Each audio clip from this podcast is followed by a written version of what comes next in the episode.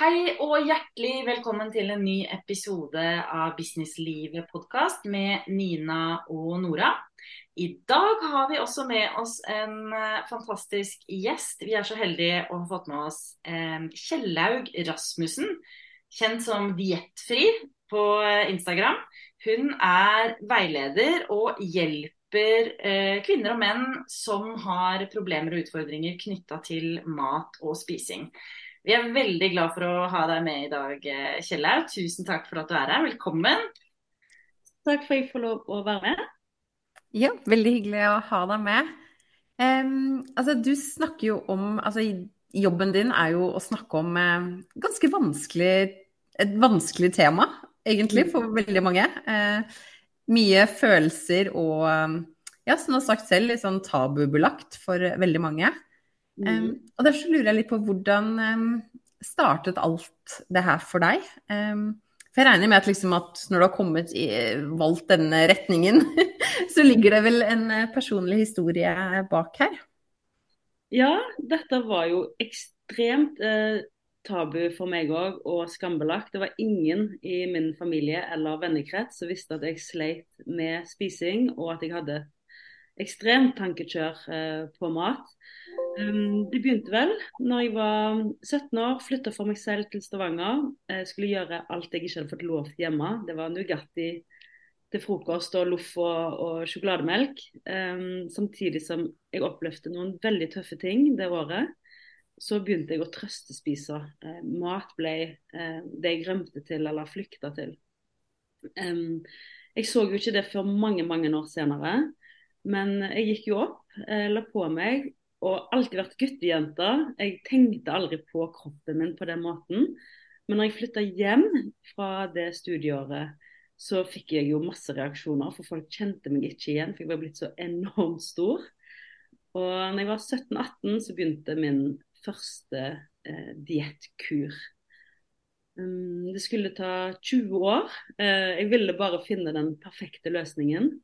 Mm. Um, var egentlig ikke opptatt av kropp, som sagt. Eh, men ble jo det med alle disse diettene som jeg ikke mestra.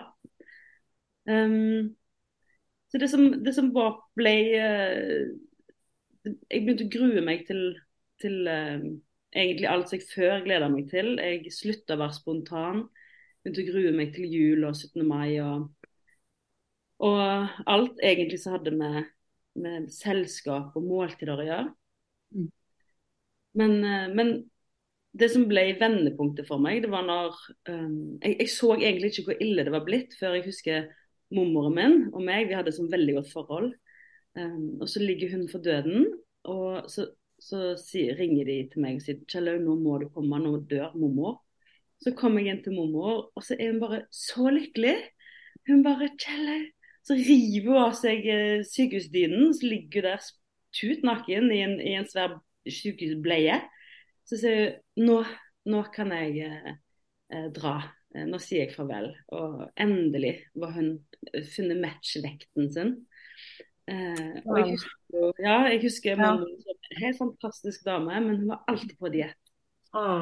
Hun spiste med oss, og hun lagde annerledes mat, hun var på suppekurer. og Stakkars mammaen min prøvde jo å være motpolen og ikke snakke om diett og, og kosthold hjemme. Så jeg har aldri vokst opp med det på en måte i hjemmet mitt. Men, men mormor kunne endelig på en måte, Nå fikk hun fred, og hun var så lykkelig. Eh, og da tenkte jeg nei, dette jeg, jeg, så på en måte da at jeg var begynt å gå inn i hennes spor da, med å være konstant i ett. Da fikk jeg en sånn skikkelig wake-up call, rett og slett. Ja, fy søren, det skjønner jeg. Cirka hvor lenge siden er det? Nei, Da var jeg eh, på slutten av 20-årene. Eh, mm. Så det er fremdeles ti år ca. Eh, før jeg fant en metode som jeg kunne leve av. Da var jeg på en ny diettrunde. Hvor jeg så at jeg begynte å bli mer og mer Det som de, jeg har funnet nå i ettertid, det heter diettspiseforstyrret. Um, og når du går på diett på diett, um, jobba selv i rusomsorgen, jeg begynte å se jeg begynte å dra paralleller. Jeg jobba med endringsarbeid, eh, var miljøterapeut og forskjellige ting. Um, har studert òg um, eh, og jobba veldig mye med endringsarbeid med barn og ungdom og voksne i sårbare livssituasjoner. Så begynte jeg å trekke paralleller til mine egne valg og mitt eget liv. At eh, jeg òg var jo avhengig av mat, men jeg var òg avhengig av dietten. Mm. Eh, ja, så det, det ble veldig eh, jeg, jeg, så at jeg, jeg, begynte å leve jeg, jeg, klarte jo ikke Jeg ble veldig nysgjerrig på hvorfor klarer jeg bare ikke å, å gå ned i vekt mm. Eh, og få et normalt forhold til mat. Um, for det var jo egentlig bare det. Jeg ville egentlig ikke bli ekspert på en ny diett. Jeg ville egentlig bli fri, sånn som mormor. Ja, bare, bare bli fri. Mm. Og, og, dette her, mens det pågikk, og mens, eh, altså, parallelt med det her, var det sånn at du holdt det helt uh, for deg selv, eller delte du det med de rundt deg? Visste de om at du var på diett etter diett etter diett, eller klarte du å holde det Nei, det klarte jeg ikke å holde skjult til slutt. Eh, for på slutten så var jeg på så strenge dietter, for det er typisk det som skjer, at du prøver hardere og, og verre, holdt jeg på å si. Altså, du, du bretter opp armene enda neste januar, så det er enda strengere dietter. Um, så jeg husker den siste julen så ringte min nydelige kjære stefar så sier han Kjelle, når du kommer denne julen, hva dietter du på? Det, er det plantebasert melk, skummamelk eller H-melk? Oi! ja.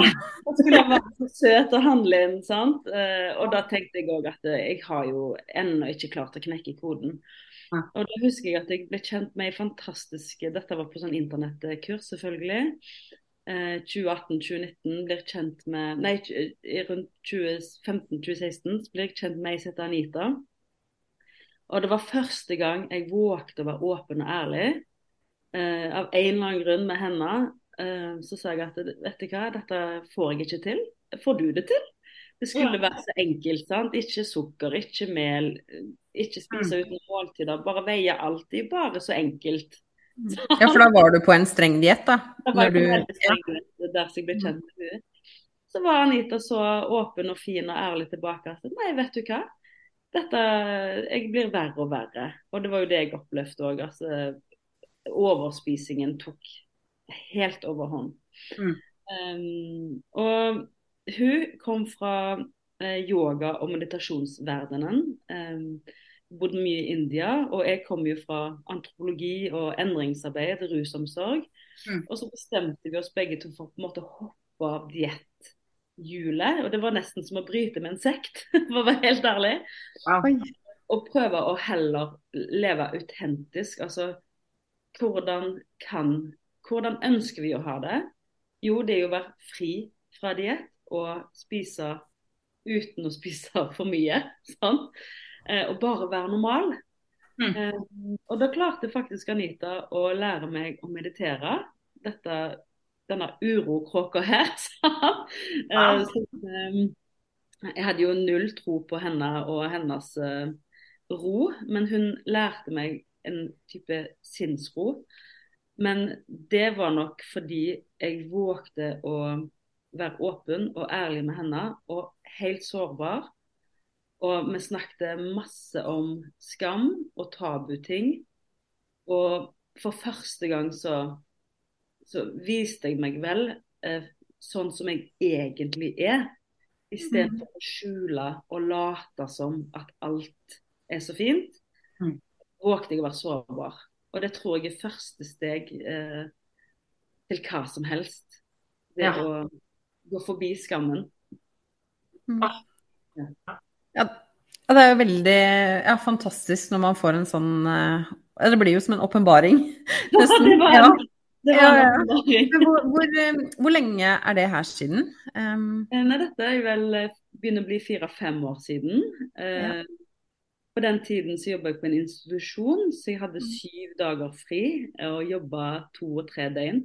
Så jeg hadde utrolig mye fritid. Eh, så jeg satte satt meg på biblioteket, og det, det, ligger vel i min natur. Hvis det er noe jeg ikke forstår, så studerer jeg det i hjel, for jeg har lyst til å finne ut hvorfor ting er som det er. Eh, og fant studier og, forskninger fra USA som viste seg at hvis du lærer deg å bli fri fra dietten, for veldig mange av oss, sånn som meg, var jo avhengig av å følge en slagplan. Sant? Hvis jeg tørte å gi slipp på den, og begynne å kjenne etter hva er det jeg egentlig spiser på, så vil mye cravings avta. Altså når vi kjenner etter Mm. hva er det som trigger meg til at jeg gjør de tingene som jeg egentlig ikke har lyst til å gjøre, om det så er å drikke for mye eller ruse seg på piller eller overspise. Sant? Så, så, men jeg brukte jo to-tre år med Anita. Og hun er jo blitt min eh, beste venn og min engel oppe i nord. Og nå har vi jo møttes, men jeg snakker jo med hun daglig.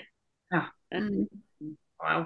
For en Ja. eh, Ja, men det er veldig fint å se at man kan komme videre. Ikke Ja. sant? At du liksom kan komme over det når man har slitt med noe i 20 år. Altså det er lenge å ha vaner, mønstre altså må, Det er jo på en måte hele voksenlivet, hvordan man lever voksenlivet sitt. Og Ja, så og så det- klare å endre det.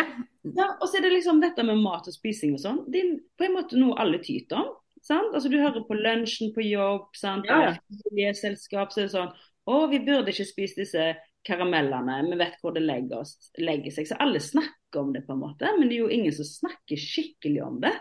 Sant? Mm. Hvor mye en uh, hater Jeg hater kroppen min. Jeg hater personligheten jeg var blitt. Mm. Um, eller som jeg Dere skjønner hva jeg mener. Jeg liker Ja. ikke den Sånn som Nora. Jeg jobba i Brasil, sant? I, i favela. Eh, Jeg jobba i, i India, i, på krisesenter med kvinner. Og vi Ja. hadde ris og bønner. Og, og samtidig som jeg holdt på med matrasjonering, så lurte jeg på om jeg la på meg av disse karbohydratene. Jeg har tenkt på det. Altså, jeg følte meg jo helt sånn schizofren. jeg, hadde- jeg likte jo ikke den, den delen av meg som, som tenkte kropp når jeg jobba med disse, krise, disse kvinnene i total krise. Men det er som du sa i stad, det tar jo opp enormt med kapasitet. Altså, Ja. det er sånn, når det er liksom det man fokuserer på, så Men det er jo også et tydelig tegn på at det, det er et reelt problem, da. Ikke Det, sant? det er et reelt problem, og og det er det Ja. nå nevropsykologene kaller, og behandlere kaller jo dette for den nye, altså det er en diettspiseforstyrrelse i et dietifisert samfunn. Mm. Og fastleger, altså det er jo så tabu at det er jo ingen som Fastlegen sier jo ingenting. Eller går du til fastlegen og sier at du har tankekjør på mat? Du skal jo være gørrsjuk. Ja. For tilbud om behandling, eller Villa Sult, så er den eneste institusjonen som jeg vet om. Du skal jo være superanorektisk. Mm. Eh, så de, sant? En av fire eh, eh, kvinner og menn har et problematisk forhold til mat. Det er ganske mye. Ja, altså. Det er skremmende. Det er liksom eh, Ja, det er eh, 25% av befolkninga, liksom. Det er helt uh, utrolig. Ja, det er helt supert det du driver med. Virkelig. Det er helt fantastisk at det finnes, altså Når du sier det med at liksom ikke fastleger og helsevesenet, det offentlige, tar dette på alvor, da, så er det jo helt fantastisk at det fins ja, sånn som deg. Ja for, det, ja, for det som skjedde var at når jeg studerte, jeg satt jo på biblioteket her i Haugesund og leste og, og skrev, så ville jeg sende forskningsartikler til Anita, da, som satt oppe i Nord-Norge. Men hun er litt eldre enn meg, så hun var, var ikke så eh, eh, kjapp på engelsken. Så jeg begynte å oversette. Og så begynte jeg å sette det i system. Så begynte hun også å sette det tilbake til meg i system, og så plutselig hadde vi lagd på en måte et sånn step by step-program. wow. Og sånn ble det. Sånn begynte det, og så begynte jeg å ta av. Og så begynte venninnene mine å merke at, og familien min å merke at du, For de hadde sett meg slank 100 ganger før. Men de hadde jo aldri sett meg slank og at jeg kanskje spiste litt dessert. Og når jeg var slank før, så var det jo Nei, jeg spiser ikke det. Jeg skal ut og jogge etterpå. Eller jeg er på lavkarbo, eller jeg er på et eller annet. Så folk begynte liksom å legge merke til at ok, Kjell er blitt eh, slank igjen, men hun, eh, hun er oppfører seg annerledes. Mm. Eh, og da var det noen som sa at begynn å fortelle hva du har gjort. Eh, det var rett før jul, og så var det dette med ny diett i januar. Og så sa jeg nei, nei, nei. Og så sier vi samler en gjeng hjemme hos meg, så blir det kjøkkengrupper først.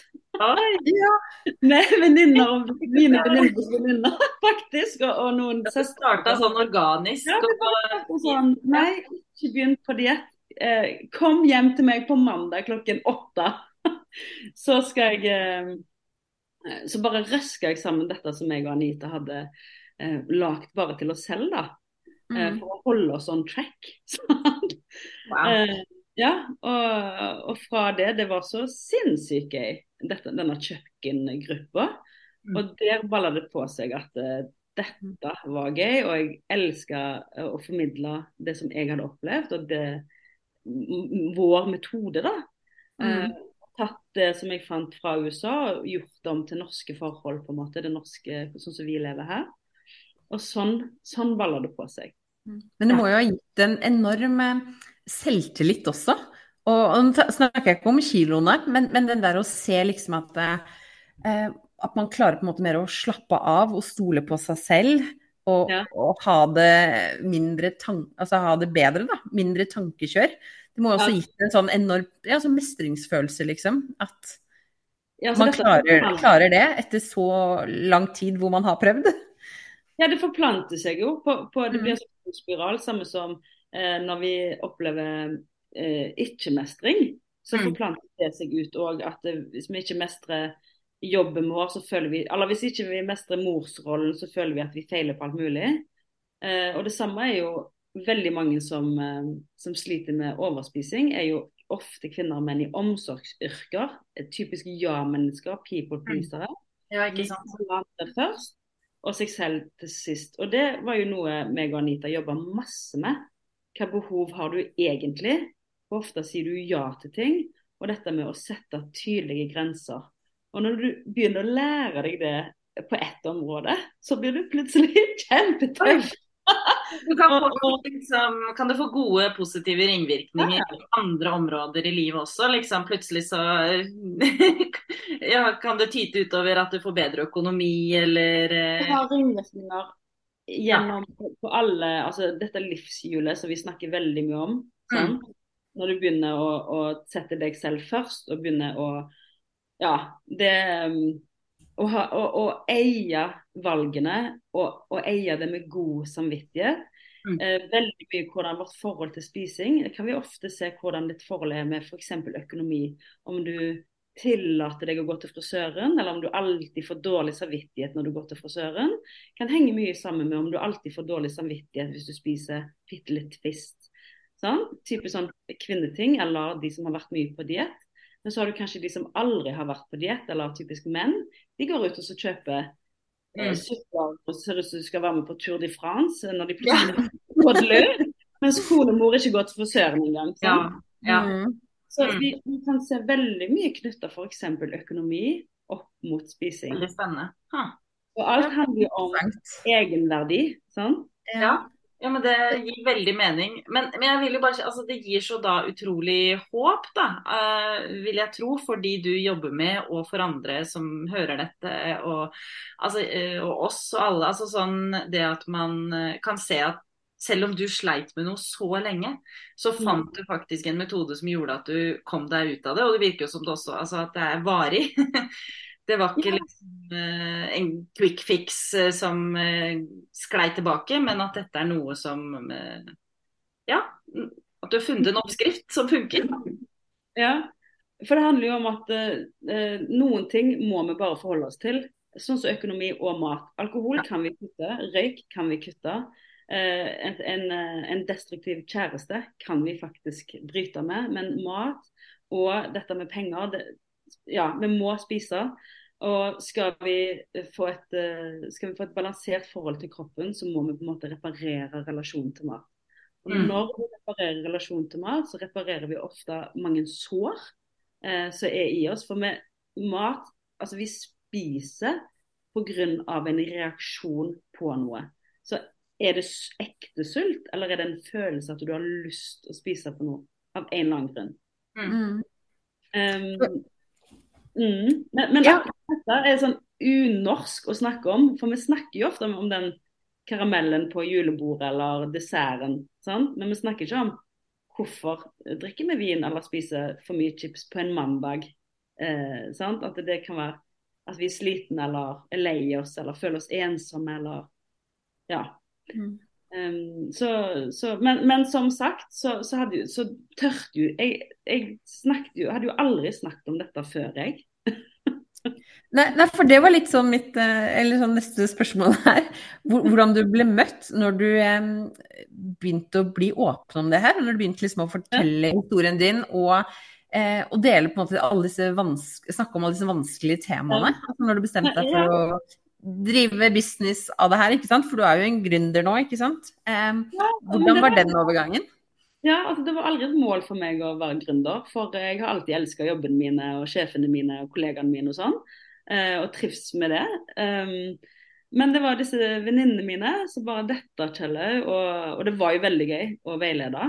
Um, så lagde jeg en Instagram-konto, men den var helt hemmelig. Og jeg hadde tenkt å ha falsk navn. Altså jeg hadde bare ikke mitt navn. Jeg husker ikke engang hva, hva, det, hva det, var i begynnelsen. Um, og så ville jeg skrive bok, jeg, eh, og det òg skulle jeg gjøre skjult. Ingen skulle vite at det var meg. Så så jeg på Tina Holt og binga Tina Holt, og hun er jo en av mine store mentorer. Um, så snakket hun om at det gikk òg an å ha et online-kurs. Eh, det hadde jo Tina Holt, og jeg bare å, går det an? Dette var jo før covid. Rett før covid. Ja. Ja, eh, så Først hadde jeg tenkt å skrive bok, men så anbefalte Tina Holt eh, Gry Synding. Og et nytt navn for meg. Dette var en helt ny verden. Jeg jobba jo i barnevernet normalt. Um, og så balla det på seg. og så tok, så når jeg var og, og så på Instagram disse andre som, uh, som drev kurs for, uh, på nett, så tenkte jeg yes, her vil jeg lage mitt eget kurs. Så skal jeg skrive boken min hos Tina Holt. Uh, og da kom det jo at, da sier Gry Sinding nei, du må jo vise ansiktet ditt. Så sier jeg nei, nei, nei. er du gal? Jeg kan jo ikke det. Jeg har jo en jobb, og ingen kan vite hva, hva jeg styrer med. Altså Jobben tillot oss å ha andre jobber, det var ikke det. Og der, der har vi andre ansatte som er åpne om sine utfordringer, men jeg ville ikke det. Herre Herrefred. Um, og så sa han at skal du um, uh, få tillit, og at noen skal uh, ønske å bli veileder av deg, så er du nødt for å snakke, og du er nødt for å vise ansiktet ditt. Og, så jeg det var, og da husker jeg jeg var fysisk kvalm. Jeg, var, jeg skamma meg så mye. Uh, og, og tenkte jeg, hvor, Det er så gale når vi skammer oss over noe som ikke er kriminelt engang. Ja. Ja. ja skammer oss over at vi blir skilt, vi skammer oss over at vi ikke får til å amme, vi skammer oss over alt mulig. Og så er det ikke kriminelt engang. Det er faktisk helt Det var et utrolig godt poeng. det er jo helt sjukt.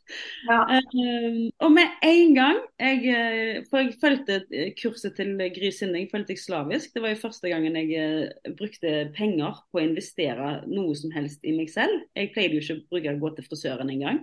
Mm. Um, og det, jeg tenkte Nei, det og, og, da med en gang fikk jeg en telefon fra en journalist i Haugesund som ville jeg skrive om saken min i lokalavisen. Og da trodde jeg at det var prank. Ja. Nei, han ringte, så var jeg sånn jeg, jeg, var ikke seriøs. For jeg trodde helt seriøst at det var noen som pranka med meg.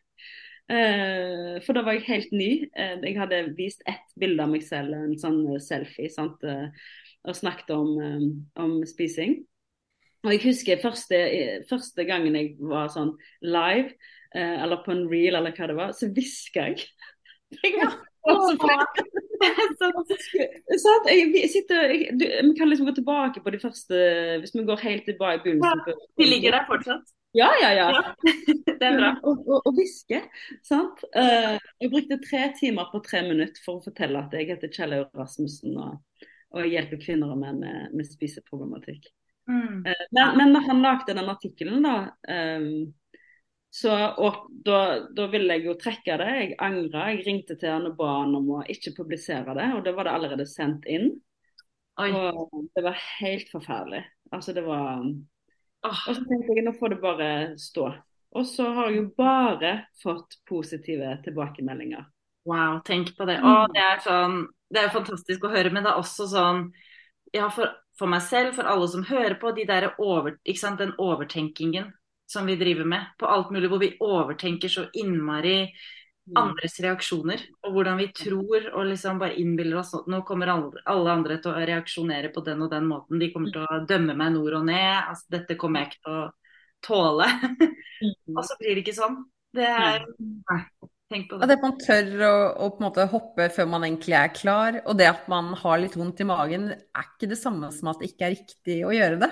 Nei. Det må man også huske litt på noen ganger. At, at man, noen ganger så må man ta sånne litt eh, vanskelige avgjørelser, da. Sånn Og- som du gjorde der. Ja, og det var eh, det er 100 fordi Tina Holt bl.a. og Gry Sinding hadde jo eh, andre Julie Winge, sant. Altså de hadde jo gjester som snakket om akkurat dette å hoppe før de var klar. Mm. Og, Og være, altså våge det. Ikke sant? Og så, og så akkurat da kom jo covid, eh, og da fikk jeg dette internettgründernettverket mitt med Anette Taulov, som dere eh, sant, kjenner til. og, og så ble det trygt og godt, egentlig. Eh, Mm. og, og angrer jo ikke et sekund på det i dag. Nei, nei, nei. Åh. Ja, nei, det tror jeg var, eh, det var mye mange som eh, fant seg selv litt under, under covid, under nedstengningen. Jeg Og litt sånn skjønte oi, man kan, eh, kan selge ting på internett. Ja, Mm. på Instagram. Ja. Så, Og treffe masse bra mennesker. Man må ikke glemme det heller. Nei, det er det er jo det, altså virkelig. Det Ja, sosiale medier kan faktisk være ganske sosialt, og det er skikkelig hyggelig. For man møter ofte mye mennesker som eh, tenker likt som deg, har mye samme interesser, og man deler mye. Mm. Og det er en sånn fin uh, gjeng. ja, altså, det å, å våge, altså det å være i et fellesskap med andre som uh, enten har eh, vært der du er, eller uh, når, du, når du føler du er helt alene, det er ekstremt ensomt. Men å vite at én annen person har hatt det likt som deg, det er utrolig eh, mye healing i det. Mm. Bare det å være pårørende f.eks. med noen andre, eller bare det at uh, når jeg snakker med, med, med kvinner og menn, så sier jeg å herlighet, jeg er en sånn worst case scenario. Jeg. Det, er ikke, det er ikke håp for meg. Jeg, jeg spiser til jeg skjems. Eh, mange har tatt slankeoperasjoner, spiser seg opp igjen. Altså, de, de, de er så flau og så drittlei av seg selv. Mm. Men bare det å vite at ja, men du er ikke alene om dette. Det, andre òg har det likt. Mm. Bare det tar mye av byrden, da. Eller børen en bærer på skuldrene. Mm. Ja, men det er det der, ikke sant, å vite at, du, ja, at du vite at du ikke er alene, at det er noen som har gått foran deg. At det er noen som går igjennom eller har gått igjennom akkurat det samme, som har gjort de samme tingene. Og som, ja, også, også se også at det er mulig. Se Ja. ja. Og, og sånn som dere òg har fokus på dette med eh, det, det skal være gøy. sant? Altså, vi, skal, vi skal kose oss i prosessen. Eh, vi har masse galgenhumor inne i programmet. Ja. Jo, det er en kursportal, og så er det mye én-til-én-veiledning. Men vi har jo grupper òg, eh, hvor vi snakker om når vi driter oss ut. sant? Og eh, feil vi har gjort, og hvor gale det har vært. Altså at det, Har det litt letthet rundt det. Mm. det. Og nesten den ene historien tar den andre. Ja, ja, ja. ja men du, vet, det tror jeg er så viktig. Altså, ja, det, jeg og Nina vi har, har jo blitt ganske godt kjent etter hvert, eh, etter at vi traff hverandre gjennom dette gründermiljøet. år siden. Og jeg vet ikke hvor mange rare hverdagshistorier vi har delt med hverandre på lydmelding, liksom, de siste og Det er mange. med å, vet du hva som skjedde i dag? Å, herlighet. Ja, ikke sant. Altså. Det er noe med at den, det, det, ingenting trenger å være perfekt. Sammen med når vi lager podkast eller når vi lager program, eller om det er spising. da, Det, det skal, det må, sånn som Anette Taulov snakker så mye om, som vi alle elsker. Mm. Mm. Eh, Det må ikke være perfekt, men ekte og ærlig. Ja, ja. Det er Og at vi viser våre feil, at vi viser våre sårbarheter. At jeg har spist pga. Ja, om det var lengsel etter en far, at jeg har. Drukket altfor mye og har fullangst ennå. sant? Altså Noe med å våge å vise at ja, vi er mennesker. Mm. Ja, men det, det, er, det er en sånn enorm healing i å, å dele ting. Og, og, og det er jo så interessant, som du også sa i stad, det er at du møter jo nesten alltid på noen som har følt det på samme måte. Mm. Eh, selv om uansett hvor mye du trodde du var alene. Mm. Mm. Det er akkurat det der, det der å tro at, altså, den der, å tro at man er alene, om å føle på særlig sånne skambelagte følelser, det er jo en, en av de mest ensomme følelsene man kan kjenne på, tror jeg. Mm. Mm. Og bare det da, ikke sant, at noen no, kanskje noen plukka opp en artikkel, eller leste artikkelen om deg i eh, Kjellaug, var det i KK? Du hadde mm, Ja, KK ja. kom etterpå, året etterpå. Så hvert år har det jo vært noe, sant. Altså, først var det lokalavisen, og så var det KK. Og, og, og mm, jeg tror dette med hvis vi, for eksempel da, De som lytter her. sant? Altså, jeg, jeg brenner sånn for at kvinner og menn selvfølgelig eh, ha, sitter vi inne med et eller annet som vi tenker det mestrer jeg. Om det er et brudd, om det er hvordan klare seg selv som alenemor til en stokk med unger og klare å få lån, eller um, skrive barnebøker, eller hva det skulle være. Uh, uh, dette, vi, vi, det er så mange av oss som tror, i hvert fall så, sånn hadde jeg det, hva vil de si på jobb? Ja. Der er det profesjonelle, vi hadde psykologer. En, eh, dette med, jeg får jo ofte spørsmålet men er du ernæringsfysiolog der, Kjellaug? Nei, for guds skyld, det skal jeg heller ikke være. Mm. Men vi snakker om endringer og reparere relasjon til mat. Heller ikke behandling, men vi jobber med verktøy. Sånn? Ja. Dette med å mm. vite at du trenger ikke å være overlege eller psykolog eller psykiater, men du kan allikevel hjelpe folk. da. Mm. Altså bare det å være et menneske, det er mye hjelp i det. Og, ja, det, man, ja, det høres jo veldig flåsete ut, men man skal liksom ikke undervurdere det. At det, er, det å liksom snakke med noen som du har en god connection med, som du kan mm. kjenne deg igjen i, møte forståelse, mm. ikke sant? føle at man blir sett, sånn som du sikkert gjør med dine kunder, ikke sant? fordi du har vært gjennom det før. Man skal mm. virkelig ikke kimse av det. Og en ti år utdannelse innen ernæring kan ikke trumfe det.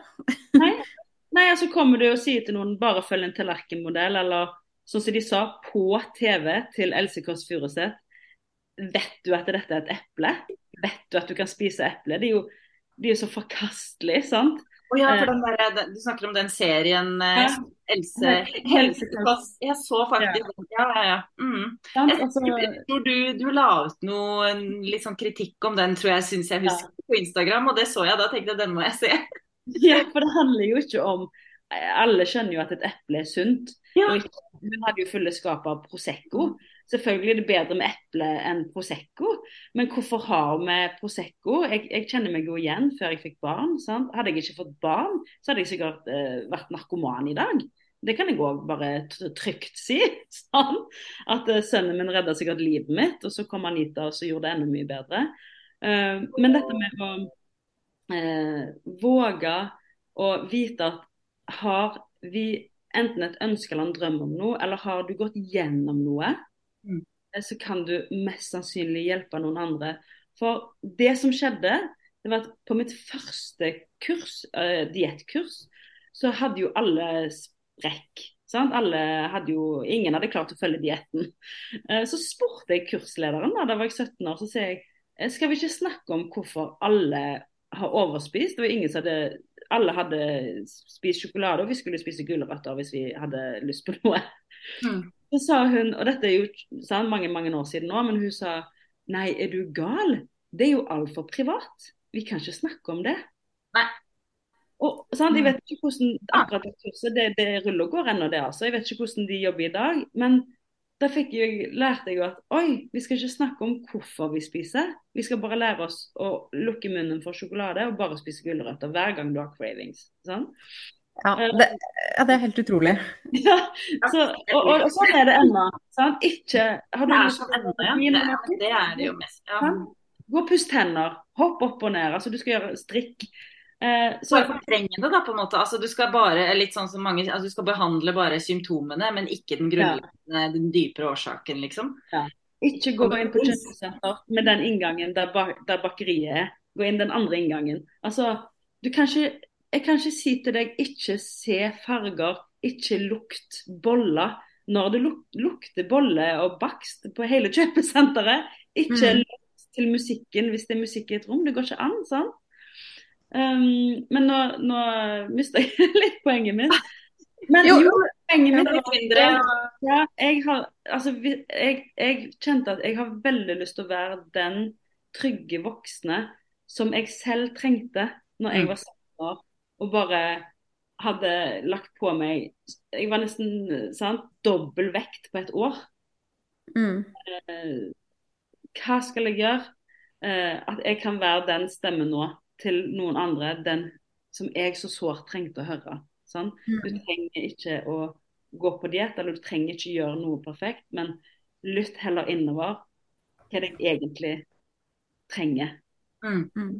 Sånn? Jeg tenker at det, det er helt fantastisk det du sier der, og det er litt sånn som eh, uansett, altså de som hører på, uansett om de har problemer med mat eller ikke, så er det en sånn skikkelig fin eh, livsvisdom.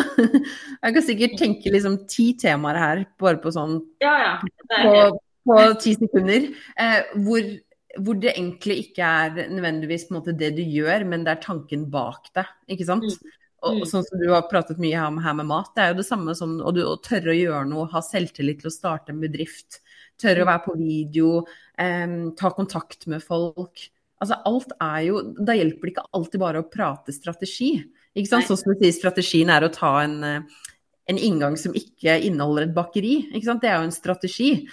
Og, og det er jo sånn i business òg, du kan jo ikke alltid ba du, Noen ganger må du på en måte ordne opp i det som ligger bak, for å Mm. faktisk klare å gjennomføre denne Mm. strategien, da, ikke sant? Som er da i tilfellet her å gå ned i vekt, eller Ikke sant? Så- er det jo liksom å, å klare å håndtere det som ligger bak.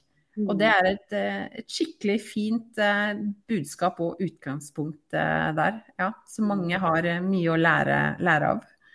Mm. Ja, altså, det, er, det er så utrolig den der, Det der med skammen sniker seg jo inn i så mange, utrolig mange områder. Altså man kan jo, Hvis man har lyst til å starte noe, da, f.eks. å gå for drømmen sin altså Man kan jo føle på en skam bare fordi at man har lyst til å være synlig. Det kjente jeg på i starten. Det er litt sånn, Særlig i Norge, ikke sant, janteloven og hele det her. Jeg kjente på en sånn Ja, men folk kommer til å le av meg. Folk kommer til å tro at jeg helt dust. De kommer til å tenke liksom Hvem tror hun at hun er? Fordi at hun har lyst til å vise seg fram. Jeg følte på et sånn skam fordi at jeg hadde faktisk Jeg var en av de som hadde syntes det var litt sånn spennende. Jeg hadde hatt lyst til å være synlig. For jeg hadde en barndomsdrøm om å bli programleder på radio eller TV, ikke sant. Så da var det litt sånn Dette er jo litt sånn barndomsdrøm.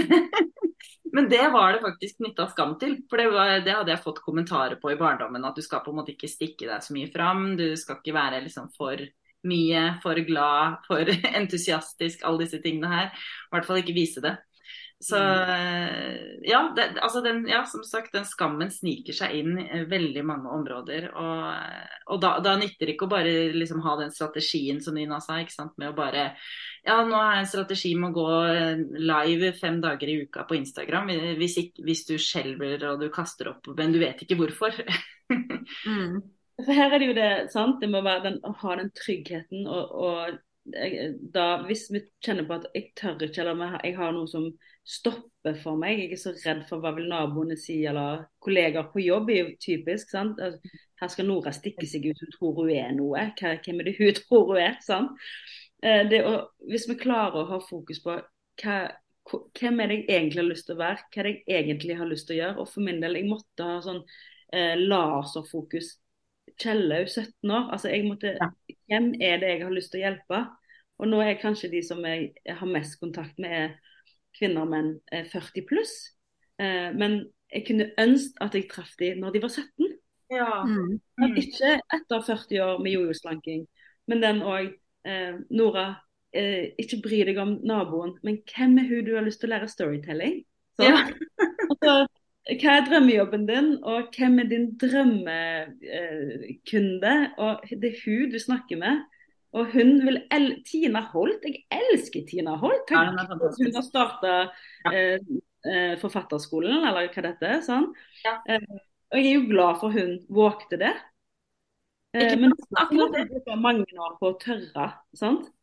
Det er akkurat det du sier, du er glad for at hun vågte det. Det viser jo bare altså Noen trenger jo akkurat det du har å tilby. Mm. Og hvis ikke du våger, så går jo kanskje de glipp av deg, eller det du kan hjelpe dem med. Ja. Ja. Så, Og så kjenne etter, ja, og så kjenner etter, er det arveskam? Altså Er dette noe som vi sier det, i familien vår, så gjør vi ikke sånn? Eller vi eh, har oppvasken inne. Altså Vi har så mange ting som er arva. På en måte en, en, eh, en arva skam. da, og og kjenne etter, er, det, er dette noe som egentlig er blitt prakka på meg med morsmelken, eller er det noe som jeg kjenner at jeg virkelig skammer meg over? Dette med diett, det, det, jeg skammer meg selv over det. Og så er det alltid lettere å snakke om noe når det er forbi. Um, men så er det sånn som så Nina sier også, at ja, av og til må vi hoppe før vi er klar. Mm. Uh, men det, akkurat for min del så var jeg nok ikke klar til å Jeg kunne jo ikke hjelpe andre med å bli diettfri og naturlig slank jeg, før jeg hadde knekt koden. Jeg måtte på en måte gjennom eh, den eh, transformasjonen selv før ja. jeg kunne gå og hjelpe andre. Ikke sant? Og nå kan jo du guide de til å bli Du var jo på en måte en slags helt i din historie. Hvis jeg ser sånn historieforteller på det, så var jo du en, en helt som må gå igjennom en vanskelig livsendrende transformasjon. Møter hindringer på veien. Du kommer deg gjennom det. Eh, og på en måte med en happy ending. Og så har du blitt guiden, som nå kan guide de andre til å bli helten i sin historie. Og mm. komme ut på andre siden. Så mm. Det er veldig gøy. Ja, ja det var en, en, ja.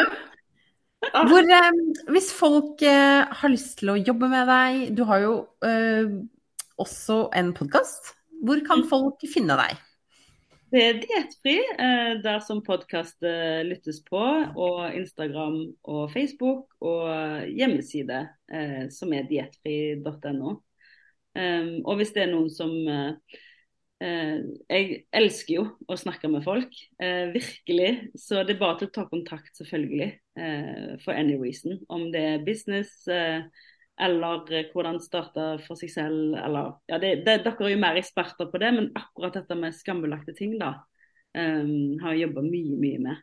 Åh, det er fantastisk. Uh, nei, jeg tror du er ganske ekspert, uh, like mye ekspert på å starte for deg selv. Du har jo virkelig uh, ja, fått det. Det er kjempegøy. Ja.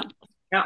Nei, men uh, Det er en vanskelig tid uh, i møte. sant? Uh, eller det er jo Spising kan være vanskelig uansett hva sesong vi er i. Men, men selvfølgelig, det er Jeg har jo én-til-én og åpen for dialog med alle som og, og jeg snakker veldig mye òg med yngre som føler seg matforvirra. Det også er jo en ting. sant? Dette med det er så mye råd, og det kan vi jo trekke ja, men det, jeg føler på det. Skal man spise skal man ikke spise kjøtt? Skal man ja.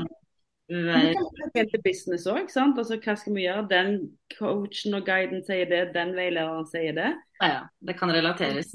Ja, det er tusen råd der ute. Og det, og det samme er jo her. Sant? Å finne uh, den måten som er, er bærekraftig bærekraftig for, for seg sjøl.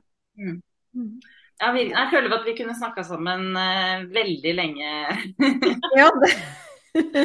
ja, nå har vi holdt på veldig mye lenger enn vi pleier. Ja, men det, det har vært en fin samtale.